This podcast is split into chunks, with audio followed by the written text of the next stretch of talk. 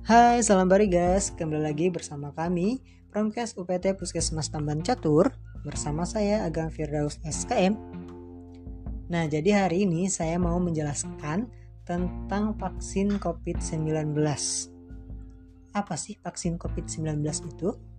Nah, jadi ya, yang namanya vaksin COVID-19 itu pada intinya sama aja sih ya kayak vaksin-vaksin lainnya yang ada di posyandu yang biasanya dikasihkan ke anak-anak kita seperti vaksin HB0, vaksin BCG, vaksin DPT HIV, vaksin polio, vaksin campak rubella.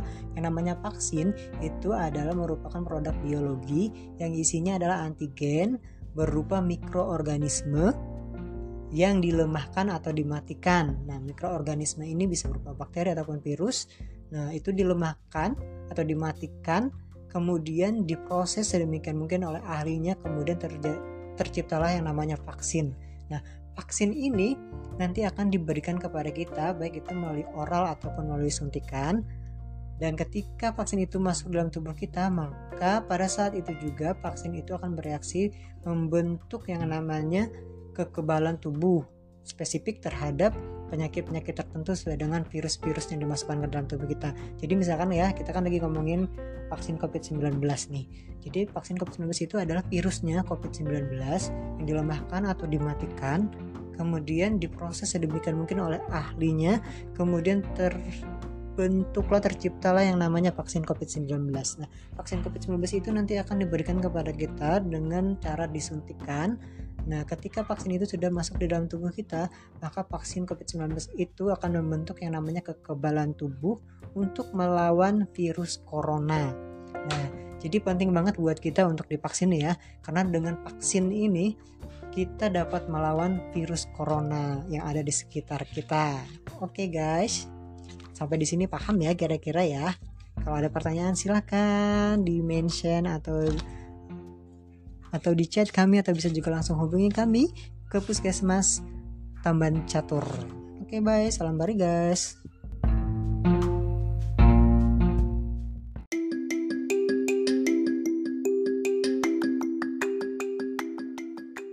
Hai, salam bari guys. Oke, jadi lanjut nih ya dengan promkes Puskesmas Taman Catur pastinya masih bersama saya Agam Firdaus SKM dan saya masih ingin mengulas tentang yang namanya vaksin COVID-19 ini ya. Uh, sampai pada saat ini vaksin COVID-19 ini masih belum diluncurkan ke masyarakat. Maksudnya masih belum diberikan kepada masyarakat. Masih menunggu waktu yang tepat sesuai dengan jadwal dari pemerintah yang mungkin katanya akan dijadwalkan ke masyarakat itu pada bulan April depan. Nah tapi nih ya uh, yang saya dengar di masyarakat itu adalah masyarakat banyak banget yang takut sama efek samping dari vaksin COVID-19 ini. Nah, jadi berdasarkan pengalaman kami sebagai tenaga kesehatan yang sudah divaksin lebih dulu nih ya. Ini kami sekarang udah divaksin semua, semua tenaga kesehatan baik di puskesmas, di rumah sakit, dinas kesehatan semuanya sudah divaksin. Nah, berdasarkan pengalaman kami yang sudah divaksin, uh, efek samping dari vaksin COVID-19 ini hampir tidak ada ya. Jadi hampir tidak ada efek samping. Kalaupun ada itu hanyalah gejala-gejala ringan seperti ngantuk. Ya kebanyakan sih dari teman-teman kami sih mengalami efek samping ngantuk. Dan ada juga beberapa teman kami yang katanya mengalami uh, rasa lapar gitu. Jadi makannya lebih banyak daripada biasanya gitu. Tetapi saya kasih tahu nih ya efek samping itu tidak berlaku kepada semua orang. Jadi ketika kita dikasih vaksin COVID-19 itu ada yang mengalami uh, efek samping namun ada juga yang nggak sama sekali loh gitu. Yang nggak sakit kepala yang nggak lapar tadi. Ya jadi nggak hampir tapi rata-rata ya yang rata-rata ya uh, yang mengalami gejala itu hanya adalah kantuk gitu. itu gejalanya.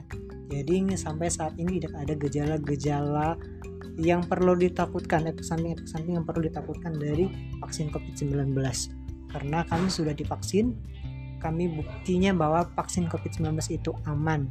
Dan pentingnya lagi vaksin COVID-19 ini sudah bersertif, bersertifikat uh, halal gitu ya.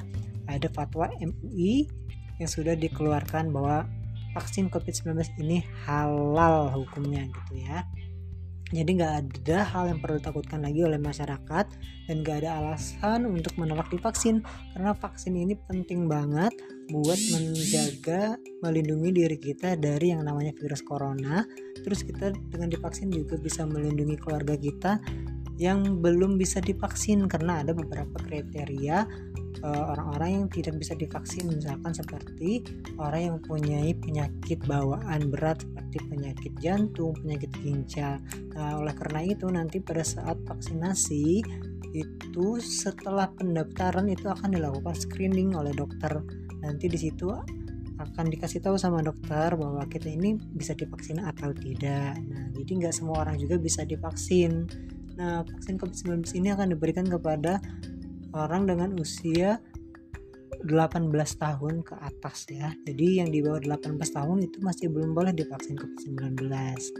Nah, jadi mereka yang di bawah eh, 18 tahun ini masih belum bisa divaksin artinya mereka punya potensi untuk tertular vaksin COVID-19. Kalau misalkan kita tidak divaksin, maka kita punya resiko untuk menularkan kepada mereka. Nah, mereka ini mungkin bisa saja anak kita yang masih umurnya 16 tahun, masih umurnya 15 tahun. Nah, sementara kita punya aktivitas di luar yang begitu padat, yang tidak uh, terkontrol, akhirnya kita mungkin saja terkena COVID. Nah, kalau kita tidak divaksin, maka kita bisa menularkan kepada anak kita. Oke, guys, sampai di sini ya. Uh, mudah-mudahan bisa paham dan semua masyarakat khususnya puskesmas eh, khususnya masyarakat eh, kecamatan Tamban Catur itu mudah-mudahan bisa paham bisa mengerti dan semuanya mau untuk divaksin. Oke okay guys salam barigas untuk kita semua. Guys you guys